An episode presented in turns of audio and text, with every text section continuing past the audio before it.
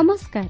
ଆରମ୍ଭ କରୁଛୁ ଆମର ବାଇବଲ ଅଧ୍ୟୟନର କାର୍ଯ୍ୟକ୍ରମ ପଥ ପ୍ରଦର୍ଶିକା। ପବିତ୍ର ବାଇବଲ କହେ ଯଦି ଆମ୍ଭେମାନେ ଆପଣା ଆପଣା ପାପ ସ୍ୱୀକାର କରୁ ତେବେ ସେ ଆମ୍ଭମାନଙ୍କର ପାପ କ୍ଷମା କରିବାକୁ ଓ ସମସ୍ତ ଅଧର୍ମରୁ ଆମ୍ଭମାନଙ୍କୁ ପରିଷ୍କାର କରିବାକୁ ବିଶ୍ୱସ୍ତ ଓ ନ୍ୟାୟବାନ ଅଟନ୍ତି। ଆସନ୍ତୁ ସେହି ଉଦ୍ଧାରକର୍ତ୍ତାଙ୍କର ପରିଚୟ ପାଇବା ନିମନ୍ତେ ଶୁଣିବା ବେତାର କାର୍ଯ୍ୟକ୍ରମ ପଥ ପ୍ରଦର୍ଶିକା।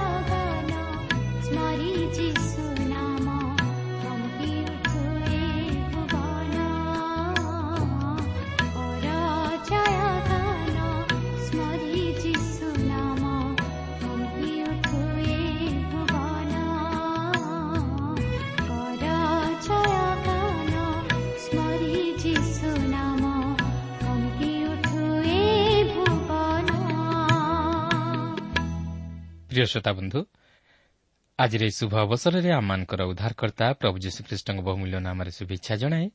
ଆଜିର ଏହି ପଥ ପ୍ରଦର୍ଶିକା କାର୍ଯ୍ୟକ୍ରମକୁ ଆପଣଙ୍କୁ ସ୍ୱାଗତ ଜଣାଏ।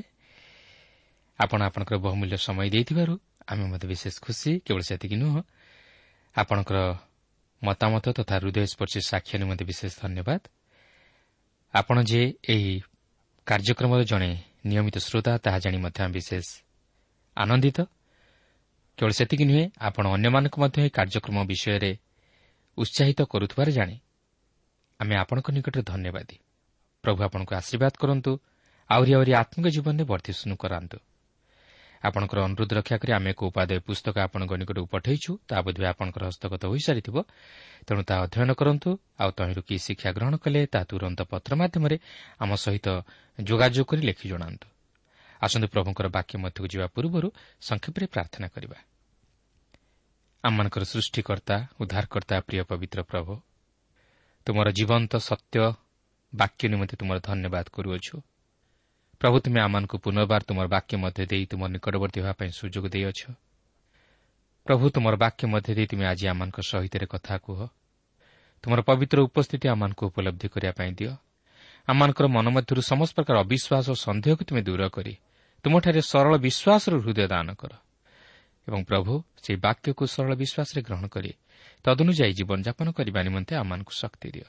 ପ୍ରତ୍ୟେକ ଶ୍ରୋତାବନ୍ଧୁମାନଙ୍କୁ ତୁମେ ଆଶୀର୍ବାଦ କର। ଯୀଶୁଙ୍କ ନାମରେ ମାଗୁଅଛୁ।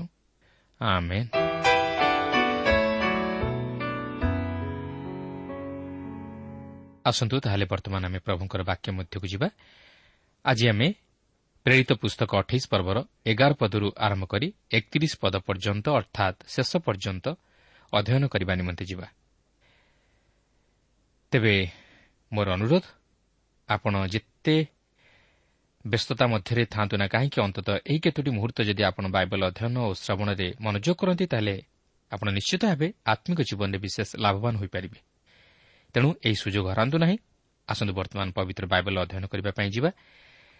ତେବେ ଗତ ଆଲୋଚନା ମଧ୍ୟରେ ଆମେ ଆଲୋଚନା କରି ଦେଖିଥିଲୁ ଯେ ପାଉଲ ଓ ଏହି ଜାହାଜରେ ଥିବା ଦୁଇଶହ ଛଅସ୍ତରୀ ଜଣ ଲୋକ ବହୁ କଷ୍ଟରେ ସେହି ସାମୁଦ୍ରିକ ଝଡ଼କୁ ଅତିକ୍ରମ କରି ଆସି ମେଲିତି ଦ୍ୱୀପରେ ପହଞ୍ଚିଥିଲେ।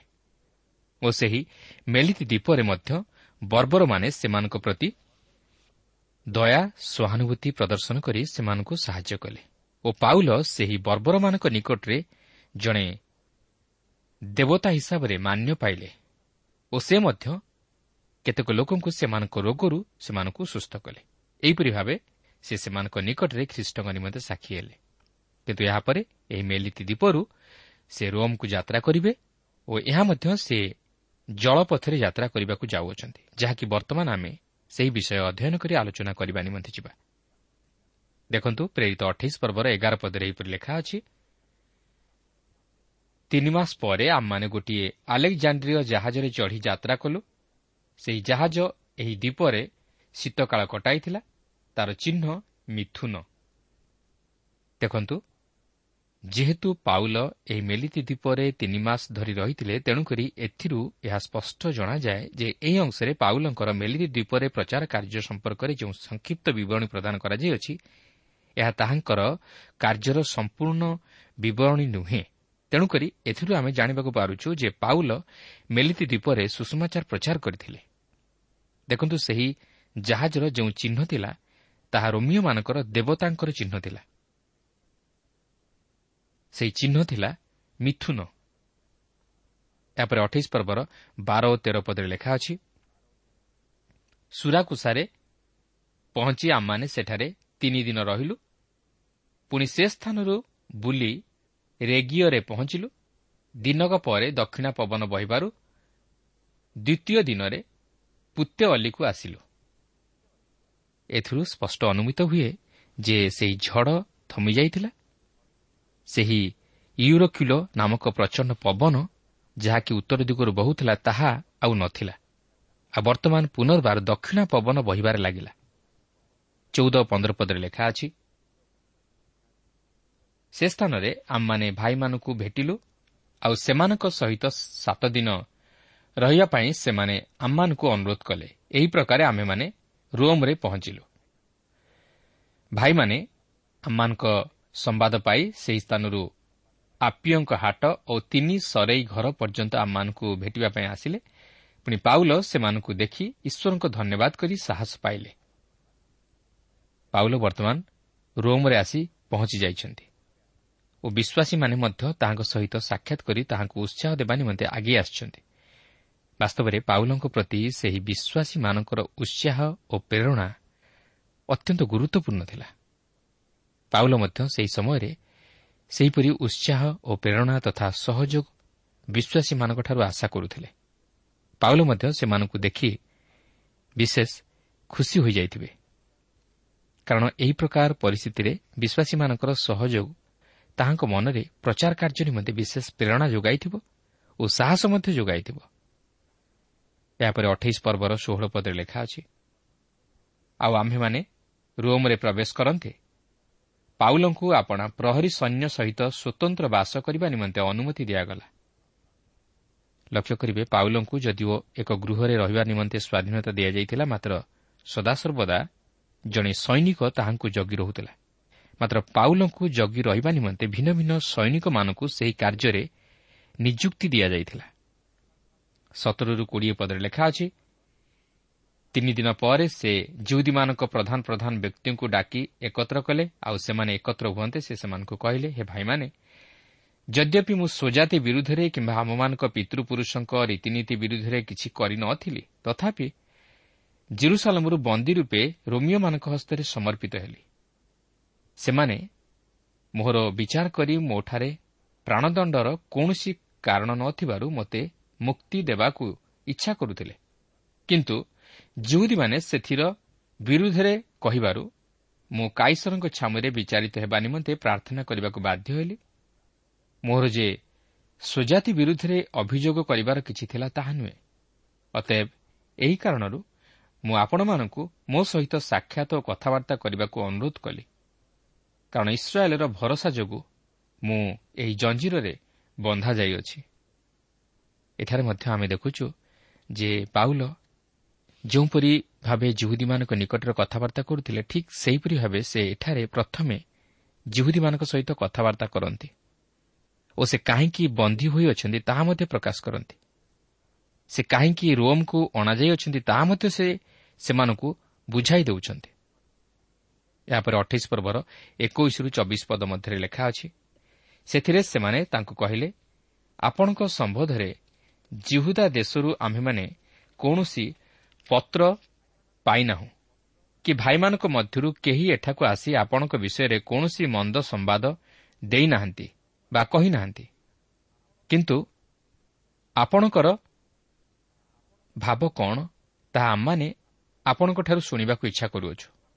କାରଣ ଏହି ଦଳ ସମ୍ବନ୍ଧରେ ଆମମାନେ ଜାଣୁ ଯେ ସର୍ବତ୍ର ତାହା ବିରୁଦ୍ଧରେ କଥା କୁହାଯାଉଅଛି। ଏଥିରେ ସେମାନେ ତାଙ୍କ ସହିତ ଗୋଟିଏ ଦିନ ନିରୂପଣ କରି ବହୁ ସଂଖ୍ୟାରେ ତାଙ୍କ ବସାକୁ ଆସିଲେ। ଆଉ ସେ ସକାଳୁ ସନ୍ଧ୍ୟା ପର୍ଯ୍ୟନ୍ତ ସେମାନଙ୍କ ନିକଟରେ ବ୍ୟାଖ୍ୟା କରି ଈଶ୍ୱରଙ୍କ ରାଜ୍ୟ ସମ୍ବନ୍ଧରେ ସାକ୍ଷ୍ୟ ଦେଲେ। ପୁଣି ମୂଷାଙ୍କ ବ୍ୟବସ୍ଥା ଓ ମାଓବାଦୀମାନଙ୍କ ଶାସ୍ତ୍ର ଘେନି ଯୀଶୁଙ୍କ ସମ୍ବନ୍ଧରେ ସେମାନଙ୍କ ବିଶ୍ୱାସ ଜନ୍ମାଇବାକୁ ଚେଷ୍ଟା କଲେ। ସେଥିରେ କେହି କେହି କଥିତ ବିଷୟରେ ବିଶ୍ୱାସ କଲେ କିନ୍ତୁ କେହି କେହି ଅବିଶ୍ୱାସ କଲେ। ଲକ୍ଷ୍ୟ କରିପାରୁଛନ୍ତି ସୁଷମାଚାର ପ୍ରଚାର ନିମନ୍ତେ ପାଉଲଙ୍କର ମନ ମଧ୍ୟରେ କେତେ ଦୂର ଆକାଂକ୍ଷା ଥିଲା। ଏଠାରେ ଆମେ ଦେଖୁଛୁ ଯେ ଜଣେ ବନ୍ଦୀ ହିସାବରେ ପାଉଲ କେଉଁ ପ୍ରକାରର ସ୍ୱାଧୀନତା ପାଇଥିଲେ। ଅନେକ ଲୋକ ତାହାଙ୍କର ଗୃହକୁ ଆସୁଥିଲେ ତାହାଙ୍କ ମୁଖରୁ ବାକ୍ୟ ଶୁଣିବା ପାଇଁ। ତାହାଙ୍କ ଗୃହରେ ବଡ଼ ଜନଗହଳି ହୋଇଥିବ। ମାତ୍ର ତଥାପି ମଧ୍ୟ ତାହାଙ୍କୁ ଜଗିବା ନିମନ୍ତେ ଜଣେ ସୈନ୍ୟକୁ ସଦାସର୍ବଦା ମୁତୟନ କରାଯାଉଥିଲା। ଏଠାରେ ପୁନର୍ବାର ଆମେ ଦେଖୁ ଯେ ପାଉଲ ଜିହୁଦୀମାନଙ୍କୁ ପ୍ରଭୁ ଯୀଶୁଙ୍କର ନିକଟବର୍ତ୍ତୀ କରାଇବାକୁ ଯାଇ ପୁରାତନ ନିୟମରୁ ତାହାଙ୍କର ପୃଷ୍ଠଭୂମି ଆରମ୍ଭ କରୁଅଛନ୍ତି। ସେ ପୁରାତନ ନିୟମରୁ ମୋଷାଙ୍କଠାରୁ ଆରମ୍ଭ କରି ମାଓବାଦୀମାନଙ୍କ ଶାସ୍ତ୍ର ଘେନି ଯୀଶୁଙ୍କ ସମ୍ବନ୍ଧରେ ସେମାନଙ୍କ ବିଶ୍ୱାସ ଜନ୍ମାଇବାକୁ ଚେଷ୍ଟା କଲେ। ଅର୍ଥାତ୍ ସେହି ମୋଷା ଓ ମାଓବାଦୀମାନେ ଯେ ଯୀଶୁଙ୍କୁ ଲକ୍ଷ୍ୟ କରି ଓ ଯୀଶୁଙ୍କ ବିଷୟରେ ଭାବଣୀ ପ୍ରକାଶ କରିଥିଲେ ତାହା ସେ ଏଠାରେ ଜଣାଇ ଦେବାକୁ ଚାହିଁଥିଲେ। ସେମାନଙ୍କର ଭାବାଣୀ ଯେ ଯୀଶୁଙ୍କଠାରେ ସଫଳ ହୋଇଅଛି ଓ ସଫଳ ହେବାକୁ ମଧ୍ୟ ଯାଉଅଛି ତାହା ସେ ଜଣାଇ ଦେଇଥିଲେ। କିନ୍ତୁ ଆପଣ ଜାଣିଥିବେ ଯେ ସମସ୍ତେ ଯେ ଯୀଶୁଙ୍କ ସୁଷମାଚାର ଶୁଣି ଯୀଶୁଙ୍କୁ ଗ୍ରହଣ କରିନେବେ ବା ତାହାଙ୍କଠାରେ ବିଶ୍ୱାସ କରିବେ ଏପରି କିଛି ମାନେ ନାହିଁ। ଅନେକ ବିଶ୍ୱାସ କରିପାରନ୍ତି ଓ ଅନେକ ଅବିଶ୍ୱାସ ମଧ୍ୟ କରିପାରନ୍ତି। ଦେଖନ୍ତୁ ସେଦିନ ମଧ୍ୟ ଠିକ୍ ସେହିପରି ହେଲା। ଅନେକ ପାଉଲଙ୍କର ସମ୍ବାଦ ଶୁଣି ବିଶ୍ୱାସ କଲେ ଓ ଅନେକ ଅବିଶ୍ୱାସ ମଧ୍ୟ କଲେ। କିନ୍ତୁ ପ୍ରିୟ ବନ୍ଧୁ ମନେ ରଖନ୍ତୁ ଯେଉଁମାନେ ଏହି ସୁଷମାଚାର ଶୁଣି ପ୍ରଭୁ ଯୀଶୁଙ୍କଠାରେ ବିଶ୍ୱାସ କରନ୍ତି ସେମାନେ ନିଶ୍ଚିତ ପାପରୁ ଉଦ୍ଧାର ପାଇବେ। ଏଥିରେ ତିଳେ ହେଲେ ସନ୍ଦେହ ନାହିଁ। ମାତ୍ର ଯେଉଁମାନେ ଅବିଶ୍ୱାସ କରନ୍ତି ସେମାନେ ଦଣ୍ଡାଜ୍ଞା ପାଇବେ। ସେମାନେ ପାପରେ ହିଁ ବିନଷ୍ଟ ହେବେ। ଆଜି ଅନେକ ଏହି କାର୍ଯ୍ୟକ୍ରମ ଶୁଣୁଅଛନ୍ତି।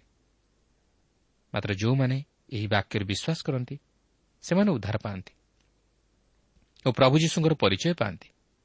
ସେମାନେ ସେମାନଙ୍କ ରୋଗରୁ ସୁସ୍ଥତା ପାଆନ୍ତି। ସେମାନଙ୍କର ସମସ୍ତ ସମସ୍ୟା ମଧ୍ୟ ସମାଧାନ ହୁଏ। ସେମାନେ ଏକ ମାନସିକ ଶାନ୍ତି ଆନନ୍ଦ ଆଉ ତୃପ୍ତି ଲାଭ କରନ୍ତି। ସେମାନେ ଆତ୍ମିକ ଶାନ୍ତି ଆନନ୍ଦ ଓ ତୃପ୍ତି ଲାଭ କରନ୍ତି। ପ୍ରିୟ ବନ୍ଧୁ ଏହି କାର୍ଯ୍ୟକ୍ରମ କେବଳ ଶୁଣିଦେଲେ ଯଥେଷ୍ଟ ନୁହେଁ। ମାତ୍ର ପ୍ରଭୁ ଯୀଶୁଙ୍କଠାରେ ବିଶ୍ୱାସ କରିବା ଓ ଏହି ବାକ୍ୟ ଅନୁଯାୟୀ ଜୀବନଯାପନ କରିବା ହେଉଛି ସବୁଠାରୁ ଗୁରୁତ୍ୱପୂର୍ଣ୍ଣ ବିଷୟ। ତାହେଲେ ଏହି କାର୍ଯ୍ୟକ୍ରମ ଶୁଣିବା ସାର୍ଥକ ହେବ। ଏଠାରେ ଆମେ ଦେଖୁଛୁ ପାଉଲଙ୍କର କେତେ ଧୈର୍ଯ୍ୟ। ସେ ସକାଳୁ ସନ୍ଧ୍ୟା ପର୍ଯ୍ୟନ୍ତ ସେମାନଙ୍କ ନିକଟରେ ବାକ୍ୟ ପ୍ରଚାର କରିବାରେ ବ୍ୟସ୍ତ ରହିଥିଲେ। ସେ ଅନ୍ୟ କୌଣସି ବିଷୟରେ ବ୍ୟସ୍ତ ରହୁନଥିଲେ କି ନିଜର ସମସ୍ୟାକୁ ଜଣାଇବାରେ ବ୍ୟସ୍ତ ରହୁନଥିଲେ। ମାତ୍ର ଈଶ୍ୱରଙ୍କ ରାଜ୍ୟ ବିଷୟରେ ଚିନ୍ତା କରୁଥିଲେ ଓ ଈଶ୍ୱରଙ୍କ ବାକ୍ୟ ପ୍ରଚାରରେ ବ୍ୟସ୍ତ ରହୁଥିଲେ। କିନ୍ତୁ ବର୍ତ୍ତମାନ ଏପରି ପ୍ରଚାରକମାନେ ଅଛନ୍ତି ଯେଉଁମାନେ କି ଈଶ୍ୱରଙ୍କ ରାଜ୍ୟ ଓ ତାହାଙ୍କର ବାକ୍ୟ ବିଷୟରେ ଶିକ୍ଷା ଦେବା ପରିବର୍ତ୍ତେ ବା ଚିନ୍ତା କରିବା ପରିବର୍ତ୍ତେ ନିଜର ସମସ୍ୟା ବିଷୟ ନେଇ ବିଶେଷ ଚିନ୍ତା କରନ୍ତି ଓ ନିଜର ସମସ୍ୟାକୁ ଲୋକମାନଙ୍କ ନିକଟରେ ଜଣାନ୍ତି ମାତ୍ର ସେମାନଙ୍କର ଆହ୍ୱାନକୁ ସଫଳ କରିପାରନ୍ତି ନାହିଁ କି ଖ୍ରୀଷ୍ଟଙ୍କ ନିମନ୍ତେ ଆତ୍ମାମାନଙ୍କୁ ଲାଭ କରିପାରନ୍ତି ନାହିଁ। କିନ୍ତୁ ଆମେ ଦେଖୁ ପାଉଲ ବନ୍ଧନରେ ଥାଇ ମଧ୍ୟ ଈଶ୍ୱରଙ୍କ ବାକ୍ୟ ପ୍ରଚାରରେ ଅବହେଳା କରିନଥିଲେ। ଯଦି ଆମେ ପାଉଲଙ୍କର ପରିସ୍ଥିତିକୁ ଦୃଷ୍ଟି ଆଗ ରଖି ଚିନ୍ତା କରିବା ତାହେଲେ ଆମେ ଜାଣିପାରିବା ଯେ ପାଉଲ କେତେ ଦୂର ପ୍ରଚାର କାର୍ଯ୍ୟ ନିମନ୍ତେ ବୋଝଗ୍ରସ୍ତ ଥିଲେ। ସେ କେବଳ ଗୋଟିଏ ବିଷୟ ଜାଣିଥିଲେ ଯେ ତାହାଙ୍କ ନିମନ୍ତେ ଯାହା କିଛି ଘଟୁଅଛି ସେହି ସମସ୍ତ କେବଳ ସୁଷମାଚାର ପ୍ରଚାରର ଅଭିବୃଦ୍ଧି ନିମନ୍ତେ ଘଟୁଅଛି। କିନ୍ତୁ ସେଦିନ ଅନେକ ବିଶ୍ୱାସ କରିପାରି ନ ଥିଲେ ଯେହେତୁ ସେମାନଙ୍କର ଆତ୍ମିକ ଚକ୍ଷୁ କର୍ଣ୍ଣ ତଥା ହୃଦୟ ରୁଦ୍ଧ ହୋଇ ରହିଥିଲା। ସେମାନେ ସବୁକିଛି ଦେଖିଲେ ତଥା ଶୁଣିଲେ ମଧ୍ୟ ବିଶ୍ୱାସ କରିପାରିଲେ ନାହିଁ। ତେବେ ଯେଉଁମାନେ ଅବିଶ୍ୱାସ କଲେ ସେମାନଙ୍କ ବିଷୟ ନେଇ ପ୍ରେରିତ ପାଉଲ ଏହିପରି ଉଲ୍ଲେଖ କରନ୍ତି ଯାହାକି ଅଠେଇଶ ପର୍ବର ପଚିଶରୁ ସତେଇଶ ପଦ ମଧ୍ୟରେ ଲେଖା ଅଛି। ପୁଣି ସେମାନେ ଆପଣା ଆପଣା ମଧ୍ୟରେ ଏକମତ ନ ହେବାରୁ ବିଦାୟ ନେଲେ। ସେମାନଙ୍କର ଯିବା ପୂର୍ବେ ପାଉଲ ଏହି ଗୋଟିଏ କଥା କହିଲେ ଆପଣମାନଙ୍କ ପିତୃପୁରୁଷଙ୍କୁ ଭାଓବାଦୀ ଜିସାଏଙ୍କ ଦ୍ୱାରା ପବିତ୍ର ଆତ୍ମା ଯଥାର୍ଥ ରୂପେ କହିଥିଲେ ଏହି ଲୋକମାନଙ୍କ ନିକଟକୁ ଯାଇ କୁହ ତୁମେମାନେ ଶୁଣୁ ଶୁଣୁ ଶୁଣିବ କିନ୍ତୁ କୌଣସି ପ୍ରକାରେ ବୁଝିବ ନାହିଁ। ପୁଣି ଦେଖୁ ଦେଖୁ ଦେଖିବ କିନ୍ତୁ କୌଣସି ପ୍ରକାରେ ଜ୍ଞାତ ହେବ ନାହିଁ। କାରଣ ଏହି ଲୋକଙ୍କର ହୃଦୟ ଜଡ଼ ହେଲା। ସେମାନେ କାନରେ କଷ୍ଟରେ ଶୁଣିଲେ ଓ ଆପଣା ଆପଣା ଆଖି ବୁଝିଲେ ଯେପରି ସେମାନେ ଆଖିରେ ଦେଖିବେ ନାହିଁ ଓ କାନରେ ଶୁଣିବେ ନାହିଁ ଆଉ ହୃଦୟରେ ବୁଝିବେ ନାହିଁ ପୁଣି ଫେରିଆସିବେ ନାହିଁ। ଆଉ ଆମ୍ଭେ ସେମାନଙ୍କୁ ସୁସ୍ଥ କରିବୁ ନାହିଁ। ଦେଖନ୍ତୁ ପାଉଲ ଏଠାରେ ଯିଶା ଭାବାନୀଙ୍କ ଭାବାଣୀ ସଫଳ ହେବାର ପ୍ରକାଶ କରନ୍ତି। କାରଣ ଏହା ହିଁ ହେଉଛି ମନୁଷ୍ୟର ସ୍ୱଭାବ। ମନୁଷ୍ୟ ସହଜରେ ବିଶ୍ୱାସ କରିପାରେ ନା। ସୃଷ୍ଟିର ଆରମ୍ଭରୁ ଆମେ ଦେଖି ଆସୁଛୁ ଯେ ମନୁଷ୍ୟ ଈଶ୍ୱରଙ୍କ ବାକ୍ୟରେ ବିଶ୍ୱାସ ନ କରିବା ଦ୍ୱାରା ଶୟତାନର ଶିକାର ହେଲେ ଓ ପାପରେ ପତିତ ହେଲେ। ସୃଷ୍ଟିର ଆରମ୍ଭରେ ମଧ୍ୟ ଆମେ ଦେଖୁ ଯେ ଆଦମ ହବା ଈଶ୍ୱରଙ୍କ ବାକ୍ୟରେ ଅବିଶ୍ୱାସ କଲେ। ତେଣୁ ଶୟତାନ ତହିଁର ସୁଯୋଗ ନେଇ ସେମାନଙ୍କୁ ପରୀକ୍ଷାରେ ପକାଇଲା ଓ ଶେଷରେ ସେମାନେ ଈଶ୍ୱରଙ୍କର ଅବାଧ୍ୟ ହୋଇ ଈଶ୍ୱରଙ୍କଠାରୁ ଦୂରବର୍ତ୍ତୀ ଜୀବନ କାଟି ପାପରେ ପତିତ ହେଲେ ଓ ଈଶ୍ୱରଙ୍କ ସହଭାଗିତାରୁ ବଞ୍ଚିତ ହେଲେ ଓ ଆତ୍ମିକ ଜୀବନରେ ମୃତ ହେଲେ। ଈଶ୍ୱରଙ୍କର ସମସ୍ତ ଆଶୀର୍ବାଦ ଓ ସୁଖ ଶାନ୍ତିରୁ ବଞ୍ଚିତ ହେଲେ। କିନ୍ତୁ କାହିଁକି ଏପରି ଘଟିଲା? ଏହା କେବଳ ସେମାନଙ୍କର ଅବାଧ୍ୟତା ଓ ଅବିଶ୍ୱାସ ହେତୁ ଘଟିଲା। ପ୍ରିୟ ବନ୍ଧୁ ଆମମାନଙ୍କର ଅବିଶ୍ୱାସ ଓ ସନ୍ଦେହ ଆମମାନଙ୍କୁ ବିନାଶର ପଥରେ କଢ଼ାଇ ନିଏ। ଆମମାନଙ୍କୁ ପାପ ଓ ପରୀକ୍ଷାରେ ପକାଏ। ଆମମାନଙ୍କ ଜୀବନରୁ ସମସ୍ତ ଆଶୀର୍ବାଦ ଓ ସୁଖ ଶାନ୍ତି ହରଣ କରିନିଏ। ଆମମାନଙ୍କୁ ଈଶ୍ୱରଙ୍କଠାରୁ ଦୂରକୁ ନେଇଯାଏ। ଈଶ୍ୱରଙ୍କ ସହଭାଗିତାରୁ ଆମମାନଙ୍କୁ ବଞ୍ଚିତ କରାଏ। ଶୟତାନର ପ୍ରଧାନ ଲକ୍ଷ୍ୟ ହେଉଛି ଈଶ୍ୱରଙ୍କ ସହଭାଗିତାଠାରୁ ମନୁଷ୍ୟକୁ ବିଚ୍ଛିନ୍ନ କରିବା ଓ ମନୁଷ୍ୟକୁ ବିଶ୍ୱାସରେ ଦୁର୍ବଳ କରାଇବା। ସାଧାରଣ ଭାବେ ଦେଖନ୍ତୁ ମନୁଷ୍ୟ ମନ୍ଦ ବିଷୟ ପ୍ରତି ଅତି ସହଜରେ ଆକୃଷ୍ଟ ହୋଇଯାଏ। ମାତ୍ର ଭଲ ବିଷୟ ପ୍ରତି ଏତେ ସହଜରେ ଆକୃଷ୍ଟ ହୁଏ ନା ଏଥିନିମନ୍ତେ ତାହାକୁ ସମୟ ଲାଗେ। ଏହା ହେଉଛି ମନୁଷ୍ୟର ଦୁର୍ବଳତା। ମନୁଷ୍ୟ ମନ୍ଦ ବିଷୟଟିକୁ ଅତି ସହଜରେ ବିଶ୍ୱାସ କରି ତାହାକୁ ଗ୍ରହଣ କରିନିଏ କିନ୍ତୁ ଉତ୍ତମ ବିଷୟ ପ୍ରତି ନୁହେଁ। ମନୁଷ୍ୟ କଳ୍ପିତ କାହାଣୀକୁ ବିଶ୍ୱାସ କରି ତାହାକୁ ସତ ବୋଲି ଭାବେ କିନ୍ତୁ ସତ ଘଟଣାଟିକୁ ବା ଈଶ୍ୱରଙ୍କ ବାକ୍ୟକୁ ମିଥ୍ୟା ବା କଳ୍ପିତ କାହାଣୀ ବୋଲି ଭାବେ। ମନୁଷ୍ୟ ସତ୍ୟକୁ ମିଥ୍ୟା ଓ ମିଥ୍ୟାକୁ ସତ୍ୟ ବୋଲି ଭାବେ। ଆପଣ ଦେଖନ୍ତୁ ଯେଉଁମାନେ ଚଳଚ୍ଚିତ୍ର ପ୍ରଭୃତି ଦେଖନ୍ତି ସେମାନେ ସେହି ଛବି ଦେଖି ତାହା ସତ ଘଟଣା ବୋଲି ଭାବି ନିଅନ୍ତି। କିନ୍ତୁ ଈଶ୍ୱରଙ୍କ ମୁଖ ନିଃସୃତ ବାକ୍ୟକୁ ସତ୍ୟ ବୋଲି ଗ୍ରହଣ କରିପାରନ୍ତି ନାହିଁ। ସେମାନଙ୍କ ମନରେ ଅନେକ ସନ୍ଦେହ ଆସେ। ସେମାନେ ବିଭିନ୍ନ ପ୍ରକାରର ପ୍ରଶ୍ନ କରନ୍ତି ଅନେକ ସମୟରେ ଅଯଥା ଯୁକ୍ତି ମଧ୍ୟ ବାଢ଼ନ୍ତି। ପାଉଲ ଯୀଶୁଖ୍ରୀଷ୍ଟଙ୍କୁ ପ୍ରଚାର କରୁଥିଲେ। ତାହା ମଧ୍ୟ ମନରୁ ନୁହେଁ ମାତ୍ର ଈଶ୍ୱରଙ୍କ ବାକ୍ୟ ମଧ୍ୟ ଦେଇ ଓ ନିଜର ଜୀବନ୍ତ ଅନୁଭୂତି ମଧ୍ୟ ଦେଇ। କିନ୍ତୁ ସେମାନେ ବିଶ୍ୱାସ କରିପାରିଲେ ନାହିଁ। ଯେହେତୁ ସେମାନଙ୍କର ଆତ୍ମିକ ଚକ୍ଷୁ ଓ କର୍ଣ୍ଣ ରୁଦ୍ଧ ହୋଇଥିଲା ଓ ସେମାନଙ୍କର ହୃଦୟ ଅବିଶ୍ୱାସ ଏବଂ ସନ୍ଦେହରେ ଜଡ଼ ହୋଇ ରହିଥିଲା। ତେଣୁକରି ଈଶ୍ୱରଙ୍କ ବାକ୍ୟ ସେମାନଙ୍କ ଅନ୍ତରରେ କାର୍ଯ୍ୟ ସାଧନ କରିପାରିଲା ନାହିଁ। ପ୍ରିୟ ବନ୍ଧୁ ଆଜି ଯଦି ଆମେ ସେହିପରି ଭାବେ ନିଜ ହୃଦୟ ମଧ୍ୟରେ ଅବିଶ୍ୱାସ ଓ ସନ୍ଦେହକୁ ସ୍ଥାନ ଦେଇଅଛୁ ତାହେଲେ ଆମେ କେବେ ହେଲେ ପ୍ରଭୁ ଯୀଶୁଙ୍କର ପରିଚୟ ପାଇପାରିବା ନାହିଁ? କି ତାହାଙ୍କଠାରୁ ସୁସ୍ଥତା କିମ୍ବା ଆଶୀର୍ବାଦ ପାଇପାରିବା ନାହିଁ। ତେଣୁ ଆସୁ ଆମେ ଯାହା କିଛି ଈଶ୍ୱରଙ୍କ ବାକ୍ୟରୁ ଶୁଣୁ ତାହାକୁ ସରଳ ହୃଦୟରେ ଗ୍ରହଣ କରିବା ନିମନ୍ତେ ଚେଷ୍ଟା କରୁ ତାହେଲେ ପ୍ରଭୁ ତାଙ୍କର ସେହି ବାକ୍ୟ ମଧ୍ୟ ଦେଇ ଆମ ସହିତ କଥା କହିବେ ଓ ସେ ଆମମାନଙ୍କର ପ୍ରାର୍ଥନା ଶୁଣି ଆମମାନଙ୍କୁ ଉତ୍ତର ଦେବେ। ତେଣୁ ଏହି ପୁସ୍ତକଟି ଯଦିଓ ଆଜି ଆମେ ଅଧ୍ୟୟନ କରି ସମାପ୍ତ କରିବା ପାଇଁ ଯାଉଅଛୁ ମାତ୍ର ମୋର ଅନୁରୋଧ ଆମେ ଯେପରି ନିଜର ଅବିଶ୍ୱାସରେ ପରିଚାଳିତ ନ ହୋଇ ବିଶ୍ୱାସରେ ପରିଚାଳିତ ହେଉ। ଓ ଏହି ପୁସ୍ତକରେ ଲିଖିତ ବାକ୍ୟ ଅନୁଯାୟୀ ପ୍ରଭୁ ଯୀଶୁଙ୍କଠାରେ ବିଶ୍ୱାସ କରି ପାପରୁ ଉଦ୍ଧାର ପାଇବା ସଙ୍ଗେ ସଙ୍ଗେ ଖ୍ରୀଷ୍ଟଙ୍କ ନିମନ୍ତେ ସାକ୍ଷୀ ହେଉ ଓ ସେହି ଅନନ୍ତ ଜୀବନର ପଥରେ ଅଗ୍ରସର ହେଉ। ଏହାପରେ ପ୍ରେରିତ ଅଠେଇଶ ପର୍ବର ଅଠେଇଶରୁ ଏକତିରିଶ ପଦ ମଧ୍ୟରେ ଏହିପରି ଲେଖା ଅଛି ଅତଏବ ଈଶ୍ୱରଙ୍କର ଏହି ପରିତାଣ ବିଜାତିମାନଙ୍କ ନିକଟକୁ ଯେ ପ୍ରେରିତ ହୋଇଅଛି ଆପଣମାନେ ଏହା ଜ୍ଞାତ ହେଉନ୍ତୁ। ସେମାନେ ମଧ୍ୟ ଶ୍ରବଣ କରିବେ। ଆଉ ସେ ଏହିସବୁ କଥା କହନ୍ତେ ଯେଉଁଦୀମାନେ ଆପଣା ଆପଣା ମଧ୍ୟରେ ବାଦରବାଦ କରୁ କରୁ ପ୍ରସ୍ଥାନ କଲେ। ସେ ସମ୍ପୂର୍ଣ୍ଣ ଦୁଇ ବର୍ଷ ପର୍ଯ୍ୟନ୍ତ ଆପଣା ଭଡ଼ା ଘରେ ରହିଲେ। ପୁଣି ଯେତେ ଲୋକ ତାଙ୍କ ନିକଟକୁ ଆସୁଥିଲେ ସମସ୍ତଙ୍କୁ ସେ ଗ୍ରହଣ କରି ପୂର୍ଣ୍ଣ ସାହସରେ ଓ ନିର୍ବିଘ୍ନରେ ଈଶ୍ୱରଙ୍କ ରାଜ୍ୟର କଥା ପ୍ରଚାର କରୁଥିଲେ ଏବଂ ପ୍ରଭୁ ଯୀଶୁ ଖ୍ରୀଷ୍ଟଙ୍କ ସମ୍ବନ୍ଧୀୟ ବିଷୟ ସବୁ ଶିକ୍ଷା ଦେଉଥିଲେ। ଦେଖନ୍ତୁ ଏହି ପ୍ରେରିତ ପୁସ୍ତକ ପାଉଲଙ୍କର ଈଶ୍ୱରଙ୍କ ରାଜ୍ୟ ବିଷୟରେ ପ୍ରଚାର କରିବା ଓ ପ୍ରଭୁ ଯୀଶୁଖ୍ରୀଷ୍ଟଙ୍କ ସମ୍ବନ୍ଧୀୟ ବିଷୟ ସବୁ ଶିକ୍ଷା ଦେବାରେ ସମାପ୍ତ ହୋଇଅଛି। କିନ୍ତୁ ପାଉଲଙ୍କର ସୁଷମାଚାର ପ୍ରଚାର କାର୍ଯ୍ୟ ଏହିଠାରେ ସମାପ୍ତ ହେବାର ଆମେ ଲକ୍ଷ୍ୟ କରିବାକୁ ପାରୁନାହୁଁ।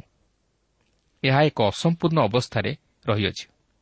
ଯେହେତୁ ସୁଷମାଚାର ପ୍ରଚାର କାର୍ଯ୍ୟ ଯେ ସେତିକିରେ ସମାପ୍ତି ଘଟିଲା ତାହା ନୁହେଁ ତାହା ଆଜି ମଧ୍ୟ ଚାଲୁ ରହିଅଛି।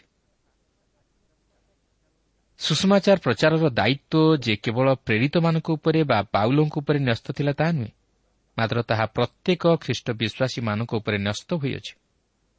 ଆଜି ଆମେ ଯେତେ ପ୍ରଭୁ ଯୀଶୁଖ୍ରୀଷ୍ଟଙ୍କର ପରିଚୟ ପାଇଅଛୁ ଓ ତାହାଙ୍କର ବିଶ୍ୱାସୀ ଓ ବିଶ୍ୱାସିନୀ ଭାବେ ପରିଚିତ ହୋଇଅଛୁ ଆମ ପ୍ରତ୍ୟେକଙ୍କର ଏକ ଦାୟିତ୍ୱ ରହିଅଛି। ଆଉ ତାହା ହେଉଛି ସୁଷମାଚାର ପ୍ରଚାର କରିବା ଓ ଅନେକଙ୍କୁ ସେହି ଅନନ୍ତ ନରକର ପଥରୁ ରକ୍ଷା କରି ଖ୍ରୀଷ୍ଟଙ୍କର ନିକଟବର୍ତ୍ତୀ କରାଇବା। ଏହି ସୁଷମାଚାର କେବଳ ଆପଣଙ୍କ ପ୍ରତି ବା ମୋ ପ୍ରତି ନୁହେଁ ମାତ୍ର ସମଗ୍ର ମାନବ ଜାତିର ପ୍ରତି ପ୍ରଦତ୍ତ ହୋଇଅଛି। ପବିତ୍ର ଆତ୍ମା ଆଜି ମଧ୍ୟ ତାହାଙ୍କର କାର୍ଯ୍ୟ ସାଧନ କରୁଅଛନ୍ତି ଓ ଯେଉଁମାନେ ଆଜି ଖ୍ରୀଷ୍ଟଙ୍କଠାରେ ବିଶ୍ୱାସ କରୁଅଛନ୍ତି ସେମାନେ ପାପରୁ ଉଦ୍ଧାର ପାଇ ଅନନ୍ତ ଜୀବନର ଅଧିକାରୀ ହେଉଅଛନ୍ତି। ଆଉ ମୋର ବିଶ୍ୱାସ ଆମେ ପ୍ରଭୁଙ୍କ ନିମନ୍ତେ ଯାହା କିଛି ଉତ୍ତମ କାର୍ଯ୍ୟମାନ ସାଧନ କରିବା ସେହିସବୁ ସେହି ପ୍ରେରିତ ପୁସ୍ତକରେ ସ୍ଥାନ ପାଇବ। ଯେହେତୁ ପବିତ୍ର ଆତ୍ମାଙ୍କର କାର୍ଯ୍ୟ ଏପର୍ଯ୍ୟନ୍ତ ଚାଲୁ ରହିଅଛି ଓ ଖ୍ରୀଷ୍ଟୀୟ ମଣ୍ଡଳୀର କାର୍ଯ୍ୟ ଏପର୍ଯ୍ୟନ୍ତ ମଧ୍ୟ ସମ୍ପୂର୍ଣ୍ଣ ହୋଇନାହିଁ। ତେଣୁ ଆସୁ ଆମେ ମଧ୍ୟ ପାଉଲଙ୍କ ପରି ଖ୍ରୀଷ୍ଟଙ୍କ ନିମନ୍ତେ ପଦକ୍ଷେପ ନେଉ ଓ ଖ୍ରୀଷ୍ଟଙ୍କର ଆଦେଶକୁ ପାଳନ କରି ତାଙ୍କର ମହତ୍ ଉଦ୍ଦେଶ୍ୟ ସଫଳ କରୁ। ତେଣୁ ପ୍ରିୟ ବନ୍ଧୁ ମୁଁ ଜାଣେ ନା ଆପଣ ଉଦ୍ଧାରପ୍ରାପ୍ତ କି ନୁହନ୍ତି? ମାତ୍ର ମୋର ଅନୁରୋଧ ଯଦି ଆପଣ ଉଦ୍ଧାରପ୍ରାପ୍ତ ନୁହନ୍ତି ତାହେଲେ ଅନ୍ତତଃ ଆଜି ପ୍ରଭୁ ଯୀଶୁଙ୍କ ନିକଟକୁ ଯାଇ ତାଙ୍କର ସେ କୃଷ ନିକଟରେ ନିଜର ସମସ୍ତ ପାପ ସ୍ୱୀକାର କରନ୍ତୁ କ୍ଷମା ମାଗନ୍ତୁ ଆଉ ତାଙ୍କୁ ଉଦ୍ଧାରକର୍ତ୍ତା ରୂପେ ଗ୍ରହଣ କରି ଜୀବନରେ ଶାନ୍ତି ସାନ୍ତ୍ୱନା ଲାଭ କରନ୍ତୁ। ସମସ୍ୟାରୁ ରକ୍ଷା ପାଆନ୍ତୁ ପାପରୁ ଉଦ୍ଧାରପ୍ରାପ୍ତ ହୁଅନ୍ତୁ ଆଉ ପ୍ରଭୁଙ୍କ ନିମନ୍ତେ ସାକ୍ଷୀ ହେବା ପାଇଁ ଏକ ଦୃଢ଼ ପଦକ୍ଷେପ ନିଅନ୍ତୁ। ତାହେଲେ ପ୍ରଭୁ ଆପଣଙ୍କ ଜୀବନ ଦ୍ୱାରା ତାହାଙ୍କର ମହତ୍ ଅଭିମତ ମାନ ସାଧନ କରିପାରିବେ। ପ୍ରଭୁ ପ୍ରତ୍ୟେକଙ୍କୁ ଏହି ସଂକ୍ଷିପ୍ତ ଆଲୋଚନା ମଧ୍ୟ ଦେଇ ଆଶୀର୍ବାଦ କରନ୍ତୁ।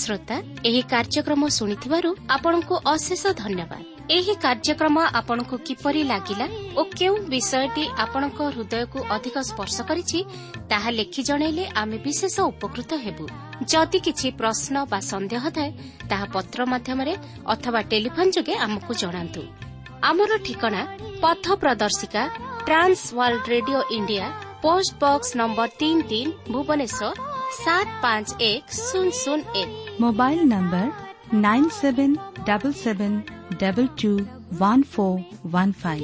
ঠিকଣାটি আউথরে শুণন্তু পথ প্রদর্শিকা Trans World Radio India post box number three three Bhubaneswar seven five one zero zero one mobile number nine seven double seven double two one four one five. আমার ইমেল আড্রেসটি লিখি রাখন্তু Odia T T V at radio eight eight two dot com ତେବେ ଆଜି ପାଇଁ ଏଇଠାରେ ରଖୁଛୁ। ନମସ୍କାର।